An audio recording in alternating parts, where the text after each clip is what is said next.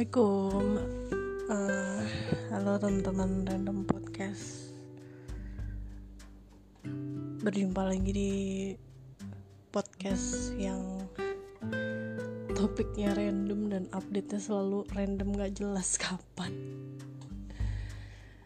Uh, Jadi sebenarnya gimana ya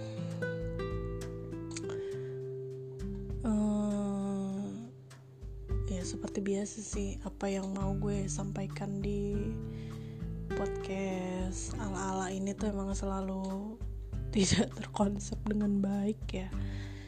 Karena kan non profit oriented nih podcastnya. Jadi nggak pernah punya tema atau kayak apa ya konsep tertentu yang mau disampaikan di setiap episodenya gitu kayak sebenarnya bagi yang baru pertama kali dengerin podcast ini uh, sebenarnya gue bikin podcast ini juga atas dasar iseng sih gitu lebih tepatnya. Jadi bukan sesuatu yang direncanain. Uh, bikinnya juga baru tahun lalu tepatnya gue lupa bulan apa. Tapi ya pas baru-baru covid gitu deh. Baru-baru covid kan pada saat itu gue masih aktif WFH ya. Aktif WFH non aktif WFO jadi gue masih aktif WFH masih uh, di rumah terus gitu. Uh, jadinya demi menjaga kewarasan dan iseng doang sih sebenarnya. Jadi gue coba-cobalah uh, bikin podcast gitu. Jadi bagi yang baru mendengarkan selamat mendengarkan. Semoga uh, ya sedikit banyak bisa apa ya nggak ada faedahnya sebenarnya podcast gue juga. Mau dibilang bawa apa ya kayak bawa inspirasi nggak juga ya. Bawa kayak pengetahuan baru nggak juga bahwa happy belum tentu ya. Jadi ya terserah kalian lah. Kira-kira fungsinya apa? Mendengarkan ocehan gue yang random ini. Sebenarnya nggak ada nggak ada fungsinya juga sih. Ya udahlah ya.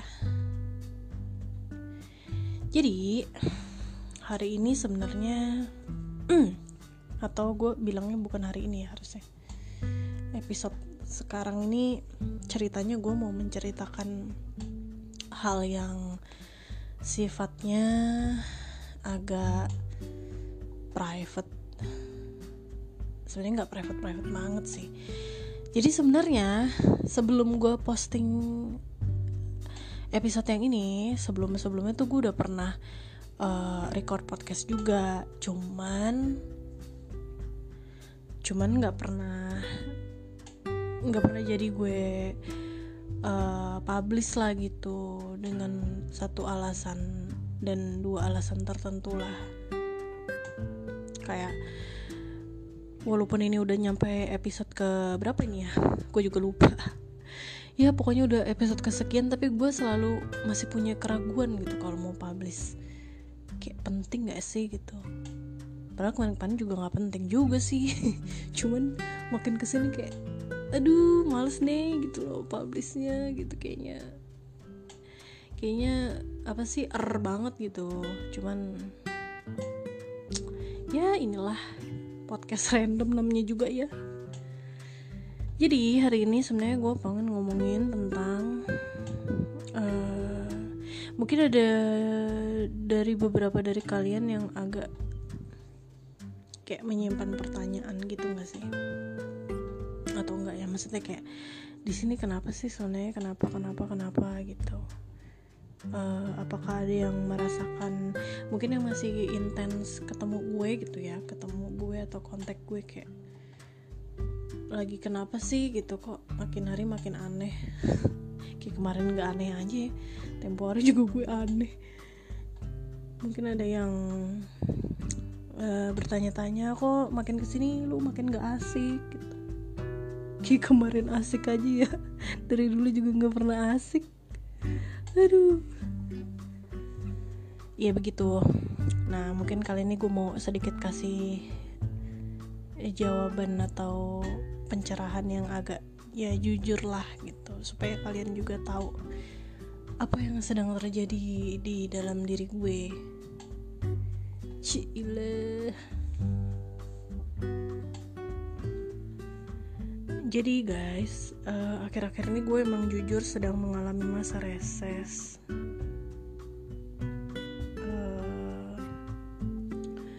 Gimana ya? Kayak emang lagi banyak banget persoalan sih. Mungkin kalau mau diurai juga gue bingung ya. Tapi kayak ya maksudnya setiap orang hidup pasti punya masalah ya guys. Nih ini nih yang harus kalian paham ya orang ya. Sebagaimanapun kehidupan orang itu yang kalian lihat enak ya kayak misalnya gue nih ya lihat orang lain gitu. Wah si Anu enak banget. Kayaknya lancar aja hidupnya ya kayak kayak duit ada apa ada apa ada gitu kan. Biasanya kan kita kalau ngeliat orang suka kayak gitu ya. Tapi percayalah guys di balik kenikmatan yang kita lihat dari orang lain orang tuh pasti punya masalah juga. Kayak nggak mungkin orang hidup ya seenak apa pun keadaan dia nggak punya masalah pasti ada. Kayak itu aja satu yang perlu kita sadarin sama-sama gitu ya. Ini buat gue juga gitu. Kalau orang yang kelihatannya yang kita lihat hidupnya enak itu pasti punya masalah juga. Dan masalah tiap orang tuh kayak udah ada porsinya masing-masing gitu. Mungkin bagi teman-teman yang muslim juga dari dulu udah diajarin pasti ya zaman SD lah sama guru ngaji atau guru agama pasti udah di berulang kali diomongin gitu kalau kita tuh nggak mungkin dikasih masalah yang kita sendiri kayak nggak sanggup uh, apa nerimanya gitu. Jadi pasti tiap tiap orang tiap tingkatan usia tiap bagaimanapun kondisi orang itu pasti udah dikasih masalah yang emang pasti dia bisa. Lu kadarnya segini nih kayaknya nih nih anak kayaknya bisa dikasih masalah 50% lah gitu. Oh kalau ini kayak nggak mampu nih 50% nih kayak 30% aja udah ngap dia gitu. Jadi masalahnya 30% gitu jadi percayalah guys tiap masalah itu pasti kita udah diukur dulu gitu. Oh lo bisa lo enggak gitu. Ya kan. Jadi rumah mama dede nih gue. Mohon maaf ya ini gue bukan mau menyanyi mama dede sekali lagi. Enggak.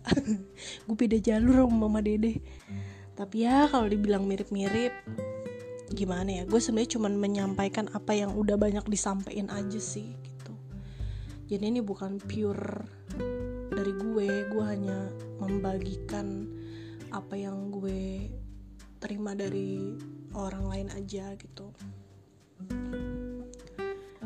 Sama halnya sama gue. Dan kalian pastinya. Masing-masing punya masalah. Masing-masing masalahnya ada aja ya gitu. Kadang udah ngerasa enak gitu terus tiba-tiba uh, apa muncul problem-problem-problem gitu. Yang ya udah gitu. Walaupun cuman gini sih. Kadang uh, walaupun apa ya kayak si masalah itu kayak belum kelar gitu. Belum ada solusinya. Belum ada titik terangnya gitu. Tapi pasti di tengah-tengah kita lagi menghadapi masalah itu ada bantuan gitu. Ada bantuan ada kemudahan gitu ya. Walaupun ya tetap aja masalahnya lanjut gitu. Nggak nggak nggak serta merta selesai gitu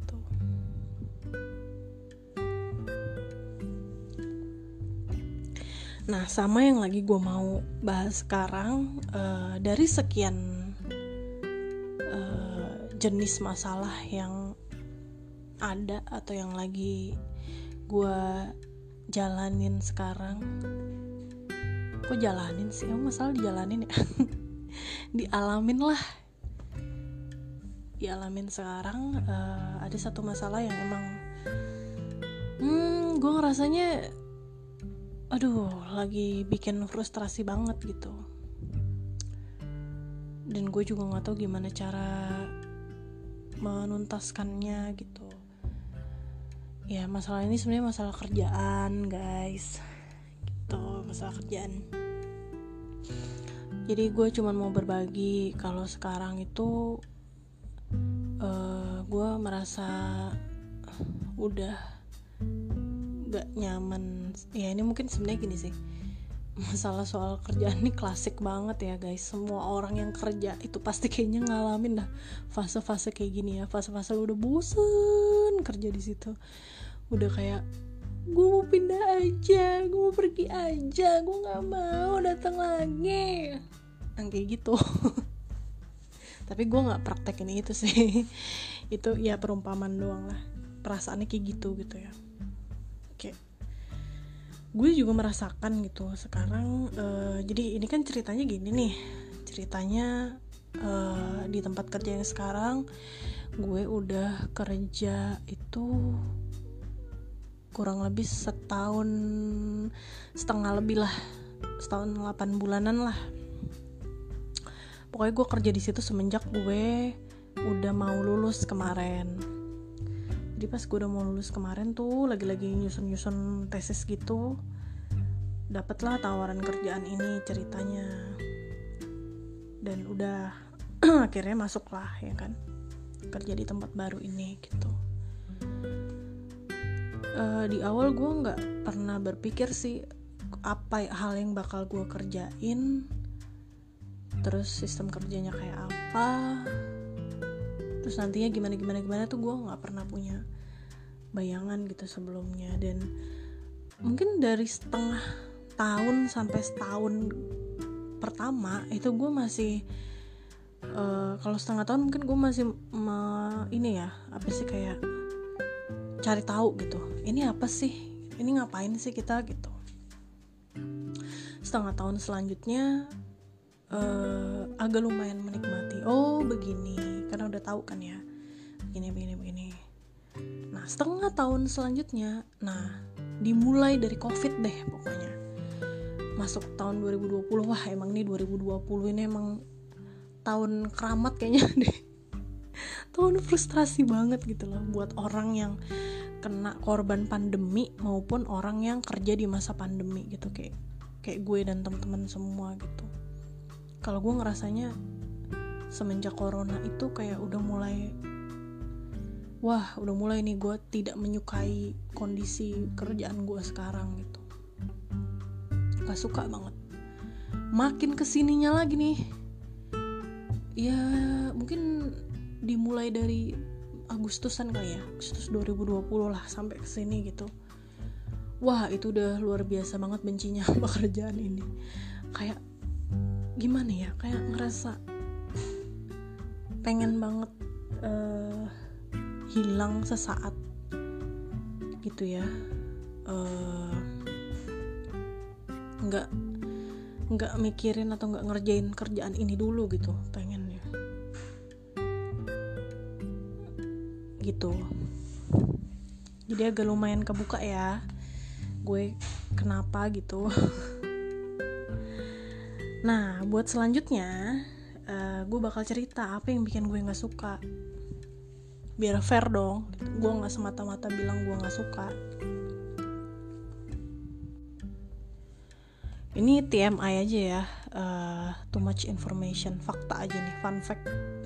Nggak fun juga lah, fact lah ya. Factnya gue gitu ya, faktanya gue. Uh, gue tuh orangnya selalu beralasan jadi gue nggak pernah bilang nggak mau atau nggak suka tanpa alasan tuh gue nggak pernah gitu. Walaupun gue tipikal orang yang ngandelin feeling jadi gue tuh lebih ke filler banget orangnya guys daripada tingkar. Jadi gue lebih ke aduh kayaknya dalam memutuskan sesuatu tuh hati banget gitu yang main gitu. Jarang pakai logika kayak makanya gue tuh cenderung kasihan sama orang gitu. Nggak tega nggak enakan. Ya itu udah ciri khas filler banget deh. Terus kayak uh, gimana ya kadang kayak ah ya udah deh gitu. Jadi apa ya cenderung apa ya submisif dan kalau orang Jawa tuh bilangnya apa ya istilahnya ya sumeleh gitu ya. Sumeleh tuh kayak pasrah gitu loh kayak ya udahlah ya wes gitu. Nah gue tuh lebih kayak gitu orangnya karena terlalu mengandalkan perasaan. Cuman dalam beberapa hal gue tuh lumayan rasional orangnya dan uh, apa ya uh, apa ya ini banget apa uh, beralasan banget gitu. Gue jarang bilang nggak suka atau nggak mau tanpa alasan kayak nggak suka aja nggak mau aja itu tuh gue agak lumayan jarang. Mungkin presentasenya cuman 10% kali ya. Sisanya pasti kalau gue bilang nggak suka atau nggak mau itu pasti ada alasannya gitu. Kayak misalnya gue nggak suka uh, buah duren ya. Gue nggak suka duren bukan karena baunya atau karena apa. Karena gue udah pernah nyoba makan duren gitu jadi gue nggak suka karena gue udah tahu rasanya duren gimana. Dan gue bukannya kayak nyobain terus gue lepeh gue telan itu duren gitu. Oh ternyata emang kayak gini rasanya gitu. Dan gue nggak suka. Tapi tapi gue beralasan kenapa nggak suka. Karena udah pernah gue cobain gitu. Jadi kurang lebih begitulah uh, realitanya di kehidupan gue gitu. Kalau gue uh, orangnya penuh dengan alasan gitu kayak gue uh, tidak memilih ini alasannya ini gitu. Gue nggak suka alasannya ini gue nggak mau alasannya ini. Jadi selalu ada alasan di balik itu gitu. Gue jarang sih uh, kayak menentukan pilihan tapi nggak ada alasannya itu jarang banget. Jadi itu sebenarnya agak kontra ya. Biasanya kan kalau pakai hati kan nggak ada alasan ya. Kayak ah kasihan aja ah tega aja gitu. Cuman kadang-kadang kalau soal uh, pilihan hidup atau memilih sesuatu tuh biasanya gue lebih ke apa ya mikir dulu gitu. Nah ini juga yang terjadi di uh, di di kerjaan sekarang gitu ya.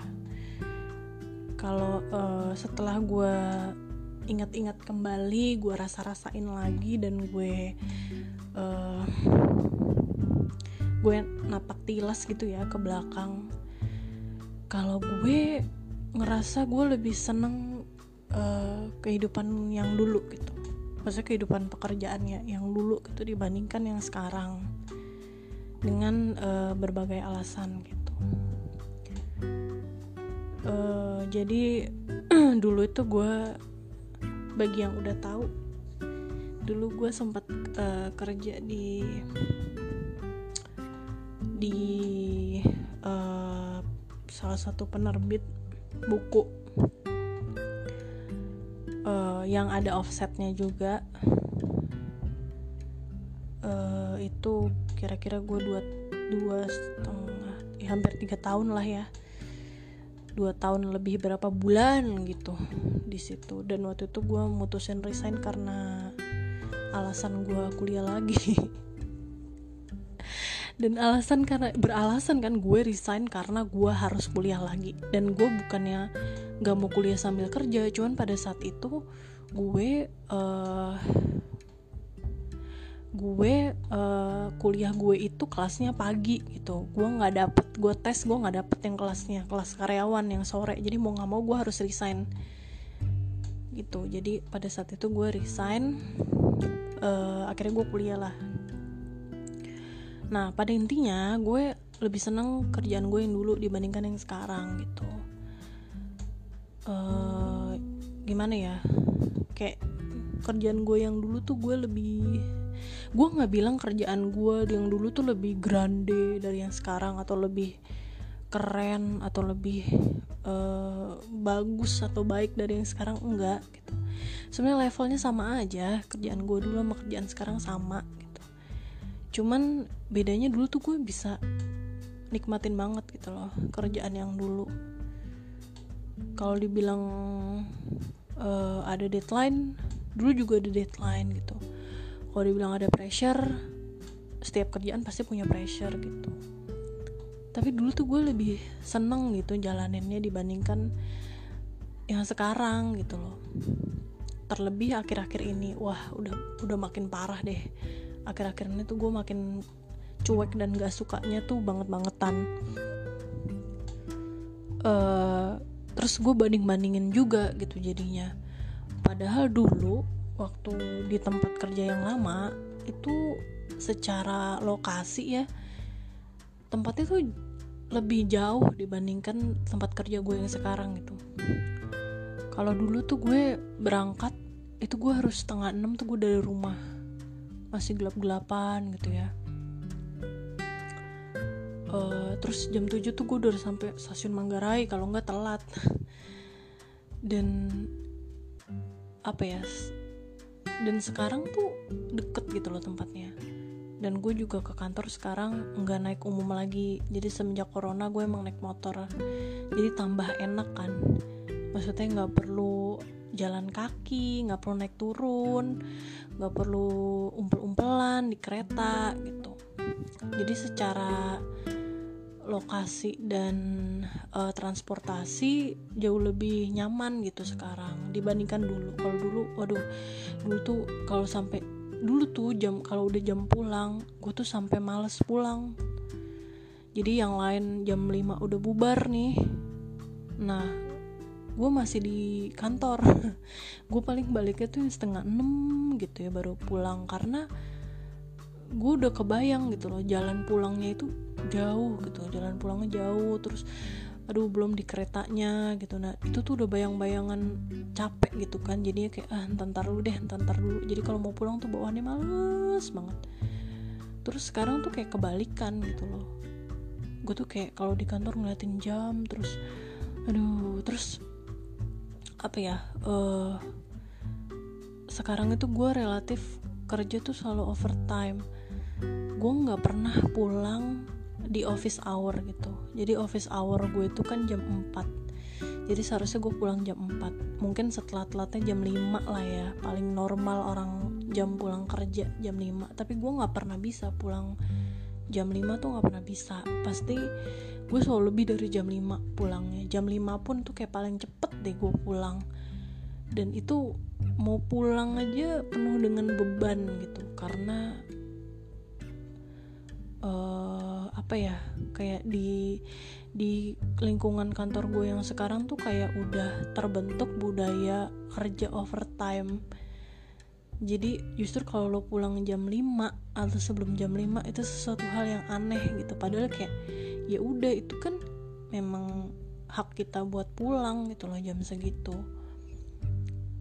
Dan apa ya kayak di kantor juga uh, jam apa ya kita jam pulangnya itu melebihi jam office hour yang seharusnya itu pun bukan karena ada sesuatu yang harus dikerjain atau ada sesuatu yang um, mendesak harus selesai hari itu atau apa gitu nggak ada gitu. Emang emang budayanya aja kayak gitu dan menurut gue itu aneh gitu. Aneh dan kayak ya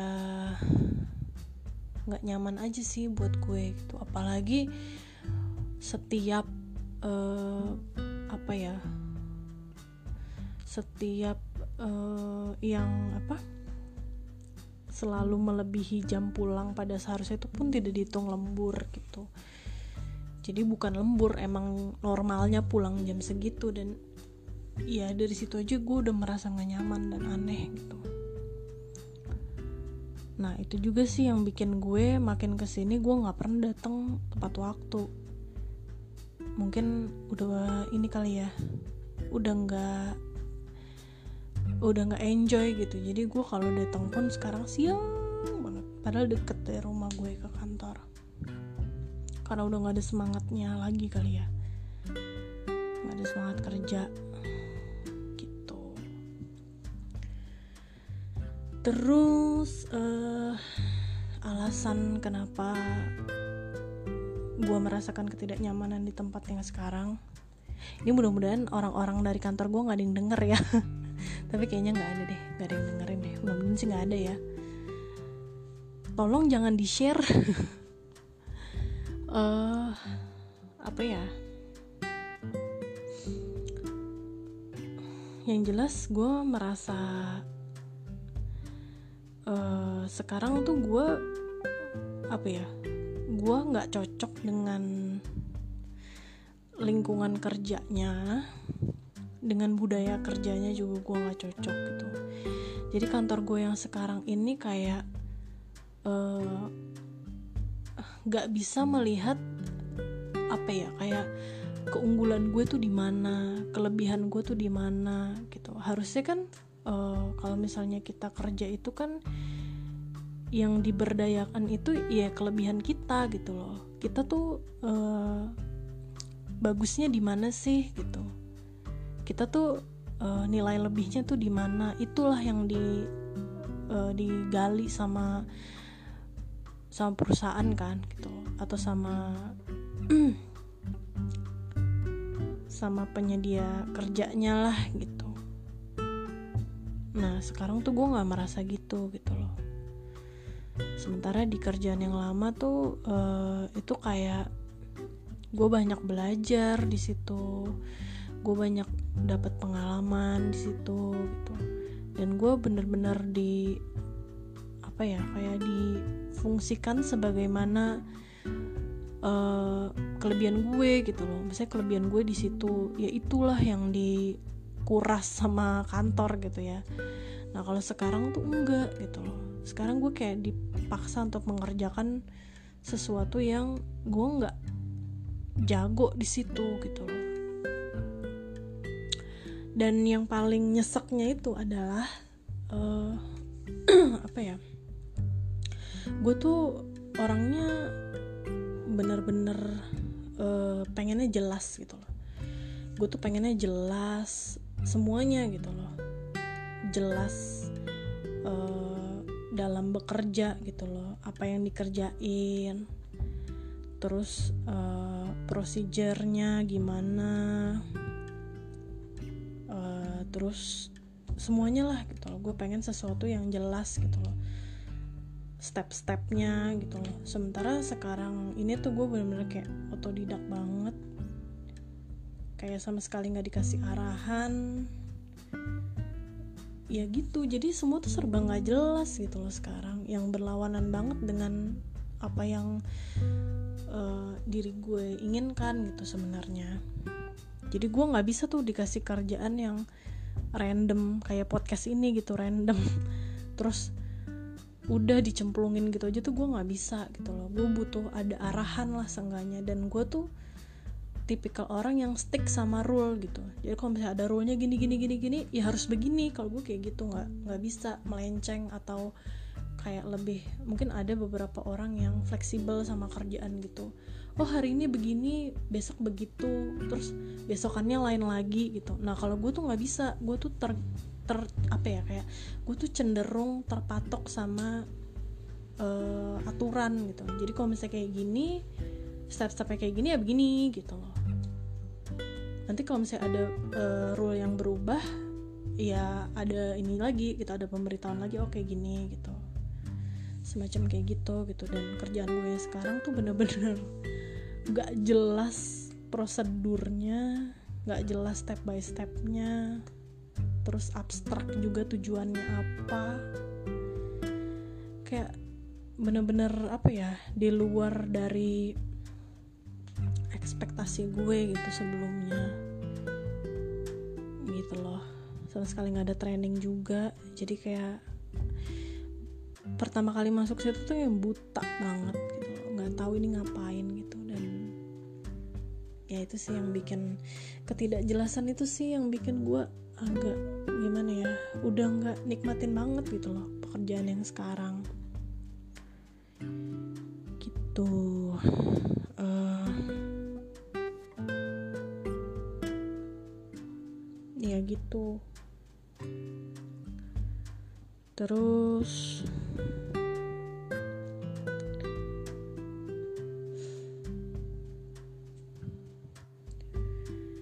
uh, mungkin beberapa uh, teman-teman yang dengerin ini kayak sambil nyeletuk gitu lo kenapa nggak nyari kerjaan lain aja? Lo kenapa nggak keluar aja? Lo kenapa nggak pindah aja? Gitu. Sebenarnya sebelum kalian omongin hal itu itu tuh udah yang setiap hari gue uh, apa ya gue pikirin gitu loh. Gue juga bukan semata-mata gue nggak mau uh, cari kerjaan lain atau gimana gitu ya. Itu adalah bagian yang gue usahakan juga sebenarnya. Cuman gue nggak tahu nih ya apa karena dampak corona juga atau gimana jadi uh, kalian nyadar gak sih lebih sulit lagi gitu cari kerjaan sekarang karena covid gitu? Ada berapa banyak perusahaan yang terdampak covid sehingga mereka harus uh, barbar mengurangi karyawan atau barbar memotong uh, gaji karyawannya gitu loh. Dan dari situ uh, apa ya apakah mereka masih muluk-muluk mau ngerekrut karyawan baru gitu? Gue mikirnya kayak gitu sih. Jadi ya nggak bisa dipungkirin juga susah gitu loh sekarang. Walaupun gue mungkin positifnya gue adalah gue orangnya gimana ya gue pesimis tapi optimis juga gitu. Bukan pesimis sih gue lebih ke gue rasional gue terlalu rasional gitu loh. Gue kayak yang nggak bisa gitu. Tapi bisa jadi kayak gimana ya? Gue tahu itu nggak bisa tapi gue masih punya uh, apa ya pemikiran bahwa bisa bisa bisa gitu masih ada sisi positifnya gitu pasti bisa gitu walaupun orang lain bilang iya tapi kan kayak gini gini gitu. Ya kan mulai random deh gue ngomong ya udah mulai nggak ngerti nih gue ngomong by the way guys ini gue lagi nggak ngantuk ya. Ini gue lagi nggak ngantuk dan lagi nggak ngelantur nggak ngelantur tapi kok jadi ngelantur ya gue ngomongnya? Aduh kayaknya ini udah harus disudahi deh guys. Gue udah mulai nggak jelas nih udah mulai random. Ganti topik aja kali ya. Gak usah ngomongin kerjaan lagi. Ya pokoknya intinya gitulah. Uh, intinya memang sekarang kayak gue lagi berada di fase-fase yang lagi apa ya kurvanya tuh turun banget ya.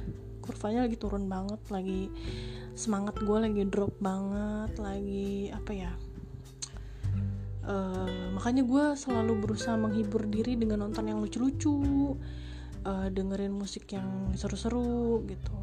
Terus dengan apa ya pokoknya melihat sesuatu yang menurut gue uh, menghibur gitu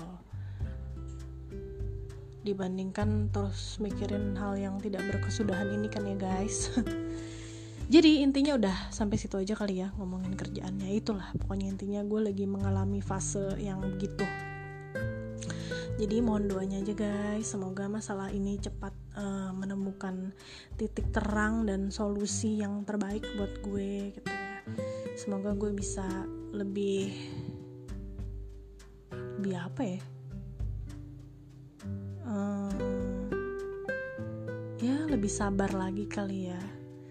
Karena kalau misalnya mau di kategorikan ya antara orang yang sabar atau orang yang nggak sabar gue tuh kayaknya ada di tengah-tengah guys. Gue ada di antara kayaknya. Jadi kok dibilang gue sabar tapi gue banyak ngeluhnya gitu loh. Setiap hari gue banyak ngeluhnya gue banyak randomnya gitu ya. Tapi kok dibilang gue nggak sabar tapi gue masih jalanin guys. Gue masih jalanin gue masih kayak ya udah gitu loh. Jadi kayak antara gue di antara sabar dan tidak sabar sebenarnya. Ya di tengah-tengah lah ya. Mudah-mudahan gue agak cenderungnya ke sabar gitu ya. Jangan gak sabaran gitu. Ya makanya sih gue uh, berusaha untuk berkumpul dengan orang-orang yang uh, punya banyak energi positif aja sebenarnya. Jadi uh, tips nih ya bagi kalian galawers ya orang yang baperan orang yang galau orang yang uh, pesimistik. Nah coba deh berteman dan berkumpul dan deket-deket sama orang yang jiwanya positif terus gitu. Orang yang pikirannya tuh uh, bisa bikin lo jadi nggak tambah down gitu atau nggak tambah baper gitu atau nggak tambah tapi jangan juga ketemu orang yang bawaannya insulting terus gitu yang kayak lo sih makanya dibilangin. Nah orang ya belum cerita udah kesal duluan gituin. Jadi uh, ya jadilah pendengar yang kalau misalnya kalian didatangi temen yang penuh dengan problematika ya gue tahu gitu loh. Kita juga pasti punya masalah sama gitu. Tapi kalau ada orang yang bermasalah juga nih datang ke kita buat cerita atau buat uh, ya sekedar menenangkan hati uh, apa ya uh, jangan di uh, apa ya jangan di jangan penuh dengan jangan jadi orang yang judgmental gitu aja deh jangan jadi orang yang judgmental jangan jadi orang yang uh, penuh dengan prasangka buruk. Ah udah ah gue ngelantur ngomongin gituan mulu udah yang lain ya. Oke itu aja untuk masalah kerjaan. Balik ke topik yang lain namanya gue random ya jadi loncat-loncat nggak apa-apa lah. Nah gue pengen ngomongin tentang kopi kulo. Random abis sumpah kopi. Nah desi dan kopi. Nah gue pengen masalah uh, cerita soal kopi nih. Jadi gue sama kopi tuh punya hubungan yang agak uh, apa ya gue punya histori yang agak indah dengan kopi ya. Uh, mungkin bagi teman-teman terutama teman-teman kuliah dulu dan teman kerja nggak juga sih teman kuliah lah. Oh teman gue deh teman apa kek? Gue juga nggak tahu teman uh, mungkin bagi yang kenal gue dekat gitu atau kenal baik gue tuh suka banget kopi kan ya. Gue suka banget kopi. Uh, dulu kalau gue makan di kantin Justisia kantin Justisia tuh kantinnya FHUI Depok ya dulu. Kok dulu sih? Sekarang juga namanya tetap Justisia juga yang gak berubah kan ya pokoknya intinya dulu lah masa-masa gue jadi penghuni neraka Depok ya. Itu gue kalau ke kantin gue sukanya minumnya kopi. Dulu gue pesannya cappuccino. Cappuccinonya kayaknya sih sasetan gitu abangnya bikinnya kan. Sasetan diseduh cemplungin es gitu ya. Nah gue doyan minum kopi mulu gue gitu. Nah gue tuh dulu walaupun gue suka kopi uh, dulu itu kan belum banyak kopi-kopi kekinian gitu ya. Jadi dulu tuh satu-satunya kopi kopi yang branded gitu ya. Cuman Starbucks dulu tuh. Yang paling hip banget deh. Kayaknya orang udah gaul banget kalau minum Starbucks ya. Nah, uh, gue pecinta kopi yang gak pernah dulu tuh beli kopi yang dari kopi shop gitu, kopi shop, coffee shop. Gue tuh gak pernah beli kopi-kopi dari coffee shop gitu dulu. Uh, jadi walaupun gue suka kopi, nah gue tuh cuman uh, biasanya gue nyeduh kopi aja, kopi saset gitu kan ya. Kalau kopi itu ya kapal api dulu tuh gue kan. Udah tuh sebatas kopi saset sampai pada akhirnya dulu tuh gue pertama kali nih pengalaman gue pertama kali nyoba Starbucks. Mungkin kalau kalian nyoba Starbucks di usia dini ya gue tuh nyoba Starbucks tuh baru pas kuliah. Kenapa? Karena gue baru kali itu uh, penasaran kayak apa sih kopi Starbucks tuh ya yang orang-orang banyak beli yang mahal banget itu. Kira gue belilah nyoba beli kopi Starbucks. Nah uh, karena udah terkenal mahal tuh kopi Starbucks.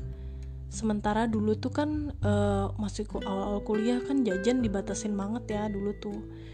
Uang jajan tuh nggak banyak gitu. Akhirnya gue nyoba lah beli Starbucks. Terus uh, begitu masuk Starbucks kan ada ini tuh ya daftar harga tuh sama kopinya ya. Terus gue pandangin aja tuh ya wih mahal-mahal banget gitu loh. Starbucks mana ada sih dulu yang di bawah 40 ribu gitu atau di bawah 50 ribuan? Jarang banget ya gitu. Rata-rata kan kopi Starbucks segitu harganya. Ngorogo-rogo lah kocek. Wah kayaknya nggak mampu nih beli Starbucks ya akhirnya gue pilih lah yang paling murah kan dulu. Ini awam banget nih ceritanya nih. Gue tuh cuman tahu kopi sasetan doang dulu asli. Akhirnya gue belilah Starbucks yang paling murah waktu itu. Kira gue lihat-lihat tuh daftar harga. Wah ini ada nih yang paling murah nih americano. Akhirnya gue belilah tuh americano ya. Satu. Tanpa gue tahu sebelumnya americano tuh kopi apa? Gue nggak tahu gitu loh. Gue cuma mikirnya wah americano kopinya orang Amerika kali ya. Oh ya bagaimana lah intinya. Akhirnya datanglah tuh americano beh pas pertama kali datang kopi hitam ya americano tuh ya. Di situ gue baru ngeh oh americano tuh ternyata kopi hitam gitu. Terus ya udah gue pikir kan oh mungkin kopi emang kopinya kopi hitam kali ya nggak pakai susu gitu. Kira ambil minum lah tuh kopi americano. Beuh, langsung begitu diminum teng pahitnya sampai ubun-ubun rasanya ya Allah ternyata pahit banget ternyata nggak ada gulanya. Pantesan aja tuh americano paling murah ya. Terus gue baru nyadar gitu wah terang aja nih kopi americano paling murah ternyata pahit nggak ada gulanya. Itulah pengalaman gue pertama kali nyoba Starbucks. Wah bener-bener itu. Dari situ gue udah mulai jarang beli Starbucks ya bukannya jarang lagi sih kayaknya semenjak gue nyobain americano itu pas dulu kuliah gue udah nggak pernah beli beli Starbucks lagi gitu loh. Karena ya karena duit itu karena mahal gitu loh. Pada saat itu mungkin gue bisa belinya cuman ya habis udah jajan gue gitu loh. Kayak sementara pas masih kuliah kan e, kebutuhan banyak ya buat bensin buat beli buku fotokopi diktat ini itu gitu. Kalau misalnya kopinya eh kopinya. Kalau misalnya uangnya habis buat ngopi doang gimana kabar kebutuhan yang lain gitu loh. Jadi begitulah. Cuman sekarang untungnya kopi udah menjamur banget ya. Jadi orang apa ya dengan budget yang seminimum minimum mungkin ya se, se nggak punya nggak punya duitnya masih bisa menikmati kopi. Dan gak harus americano yang pahit banget. Gitu. Jadi sekarang udah macam-macam banyak banget uh, brand kopi ya yang nggak cuman ada di mall atau di tempat-tempat yang gimana banget gitu ya. Di pinggir-pinggir jalan juga sekarang udah banyak yang jualan kopi gitu ya. Dan enak gitu. jadi sekarang udah mulai variatif dan banyak pilihan orang kalau mau ngopi. Nah sebenarnya gue mau ngomongin kopi kulo nih. Ini gue mau ngomongin kopi kulo karena gue baru beli kopi kulo. Baru banget di perjalanan pulang gue beli kopi kulo Nah ini gue mau komen review sedikit tentang kopi kulo sekarang. Gue nggak tahu ya si kulo ini uh, model jualannya gimana. Apa dia emang uh, franchise gitu kayak waralaba gitu atau dia uh, emang ada cabangnya di mana-mana tuh. Gue nggak ngerti ya. Cuman ini gue kebetulan beli kopi kulo yang di pinggir jalan. Jadi dia kayak ada apa sih coffee shop kecil gitulah kulo yang emang literally di pinggir jalan banget gitu. Bukan bukan kayak di dalam mall atau apa gitu. Uh, eh, gue udah lama banget nggak beli kopi kulo. Jadi terakhir beli mungkin tahun lalu kali ya. Atau dua tahun lalu ya gue lupa deh. Tapi nggak sih tahun lalu lah. Cuman sepengingatan gue si kopi kulo ini uh, kopi kulo ini cenderung kopi yang pelit kalau menurut gue. Dibandingkan kopi-kopi uh, teman-teman sejenisnya kayak nyanyi jiwa atau kopi kenangan atau kopi uh, tuku atau kopi uh, apa sih sekarang tuh macam-macam ya lain hati lah kopi dari hati kopi ya, macam-macam lah. Itu tuh cenderung kulo itu pelit Kenapa pelit? Karena uh, dari segi ukuran cupnya dulu tuh kecil kan kulo ya cupnya ya, bantet gitu kan cupnya. Terus dia nggak full kan isi kopinya itu. Jadi cenderung pelit tapi rasanya enak. Jadi dulu tuh kayaknya kulo tuh termasuk salah satu kopi yang menurut gue rasanya nyambung di gue gitu ya. Ya kopi tuh begini gitu, pahit tapi gurih juga manis tapi nggak terlalu manis. Jadi pahitnya eh iya pahitnya tuh nggak kalah sama manisnya. Ya menurut gue idealnya kopi gitulah. Termasuk si kulo ini. Kulo ini enak cuman pelit doang gitu karena nggak banyak. Dan dia juga esnya juga nggak banyak juga ya. Kulo tuh ya relatif pelit lah kopinya tapi enak. Nah setelah lama nggak beli kulo ceritanya sekarang gue beli kulo lagi dan gue kaget. Kaget karena sekarang cupnya gede cupnya tuh gede uh, terus dia tuh kayak agak oval gitu. Kalau dulu kan cupnya kan kotak banget gitu ya. Nggak kotak sih cuman kayak gimana sih? Cup cup cup gelas gitu loh yang bawahnya tuh nggak oval gitu. Terus sekarang tuh cupnya tuh mirip-mirip kayak cupnya janji jiwa gitu. Dan kopinya banyak. Dan kopinya banyak. Dan yang bikin kaget itu adalah jadi kan gue pesen kopi susu nih ceritanya. Terus gue bilang lah sama mbak-mbaknya kalau uh, gulanya dikit aja gitu kan. Maklum udah tua takut diabetes. Jadi gue bilang mbak uh, gulanya sedikit aja. Dan mbaknya bilang nggak bisa. Kaget dong gue. Kenapa nggak bisa? Ternyata mbaknya bilang gulanya tuh udah dicampur sama kopinya. Jadi tambah kaget kan kaget kuadrat gue lah sejak kapan kopi gula aren gulanya dicampur sama kopinya kan gitu.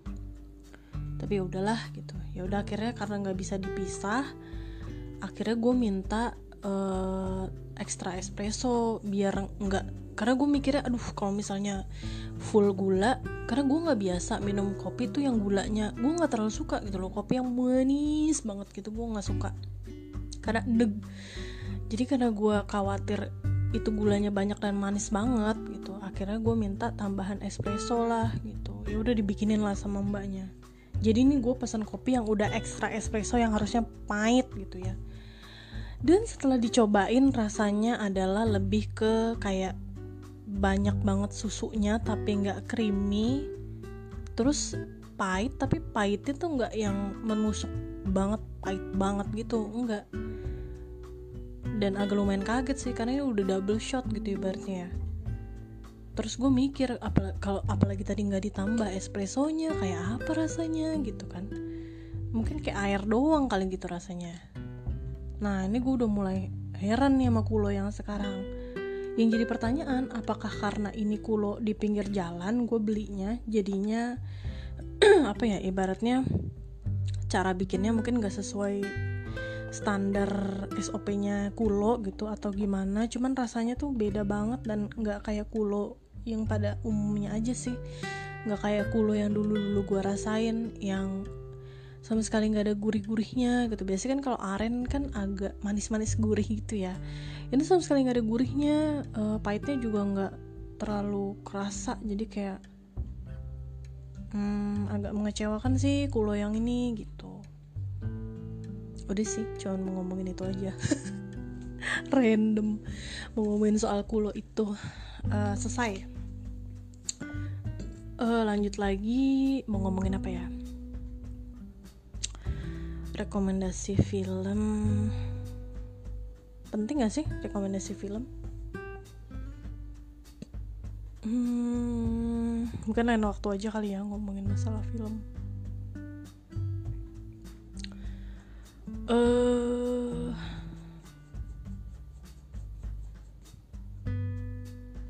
YouTube. YouTube. Akhir-akhir ini juga gue sering uh, ngikutin beberapa channel YouTube sih.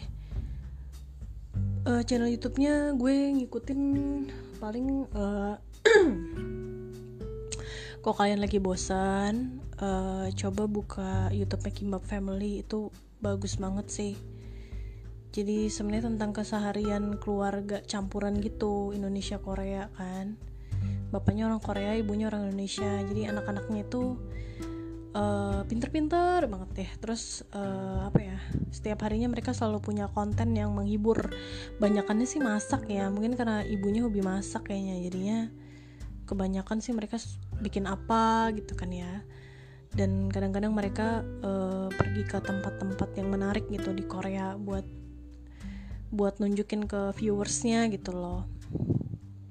Uh, apa aja dari Korea yang bisa dikunjungin gitu ya. Entah pasar atau festival apa gitu. Jadi seru tuh buat diikutin. Ini ini harusnya channel-channel bayar ke gue ya. Gue meng apa ya mempromosikan channel mereka.